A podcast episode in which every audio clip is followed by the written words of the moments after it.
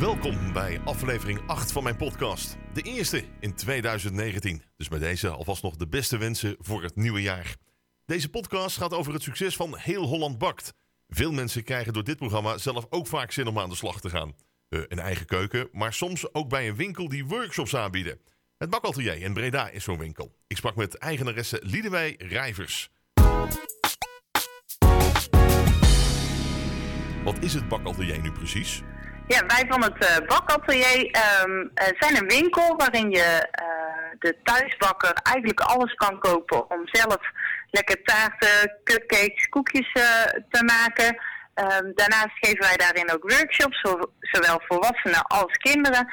En wij maken taarten op maat. Uh, dat zijn de bruidstaarten, maar ook gewoon verjaardagstaarten voor bedrijven.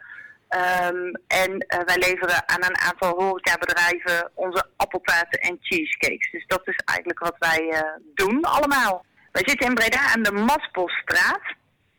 Dat is in de hoek van Prinsenhagenheuvel.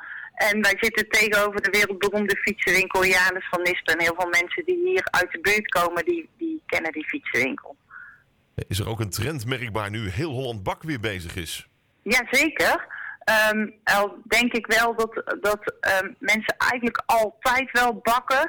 Maar het leuke aan programma's als Heel Holland Bakt is, is dat um, mensen ook geprikkeld worden om weer wat nieuwe dingen te doen. Dus, dus de, de standaard cake wordt een lekkere smaakcake. En die wordt leuk gedecoreerd. En mensen gaan um, met macarons aan de slag. En uh, uh, gaan zo eigenlijk uh, ja, hun eigen bakgrenzen verleggen. Dus dat is het leuke aan dit soort programma's in het vorig seizoen zat een, uh, had iemand een bakblik waarin die uh, kersen um, uh, op ging hangen met een stokje.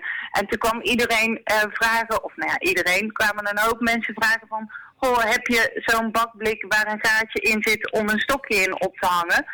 Um, nou ja, dat was gewoon zelf gedaan. Die bakblikken bestaan helemaal niet. Maar dat was wel komisch. Dat zie je dan direct naar aanleiding van zo'n programma.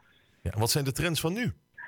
Ja, ja, je ziet toch wel dat het uh, de, de gedecoreerde taart, hè, dat is wel echt iets wat, wat heel erg in is. Mensen willen gewoon uh, uh, ja, mooie, zelfgemaakte dingen presenteren die ook helemaal op maat gepersonaliseerd zijn. De, de, de trend nu is toch wel dat mensen met macarons aan, de, aan de gang gaan. Ja, ja, men probeert en dan, dat, dat is een beetje de, ik denk dat dat de nieuwe trend is, is dat men wat gezonder wil gaan bakken. Dus met wat minder suikers, wat minder kleurstoffen, um, wat, wat meer natuurlijke ingrediënten. En je ziet dat dat langzaam um, uh, nu wel een nieuwe trend gaat worden. Welke workshops geven jullie? Nou, we beginnen um, met een aantal standaard workshops. Dus dat is gewoon in de basis cupcakes en uh, taarten. Nou, als je bij ons een taartenworkshop komt doen, dan gaan we echt met je doornemen hoe je nou zo'n taart uh, gaat doorsnijden, gaat vullen, gaat bekleden en gaat decoreren. Dus dat, daarin word je dan helemaal stap voor stap meegenomen, zodat je dat thuis ook kan doen. Um, we hebben ook een aantal gevorderde workshops. Dus mensen die de basis al een keer gedaan hebben, die kunnen eventueel um, um, verder met andere technieken. Dus bloemen maken of spuitwerk. We, we uh, hebben nu een schilderworkshop staan waarin we um, um, tegen de tijd van Halloween een, uh, een, een doodshoofd helemaal mooi gaan, uh, gaan beschilderen. We werken met uh, snoeppapier, met ouwel. Dus dat zijn eigenlijk allemaal weer um, gevorderde workshops. We mogen ook nog een cursus geven. Dus mensen die graag zelf een taartenbedrijf zouden willen beginnen, die doen een PME-cursus. Die mogen wij ook geven. En dan kom je um, drie modules volgen en voor iedere module staat 25 uur les. Dus dan ben je hier per module dus vijf weken lang om um, ja, alle kneepjes van het vak te leren op het gebied van decoreren.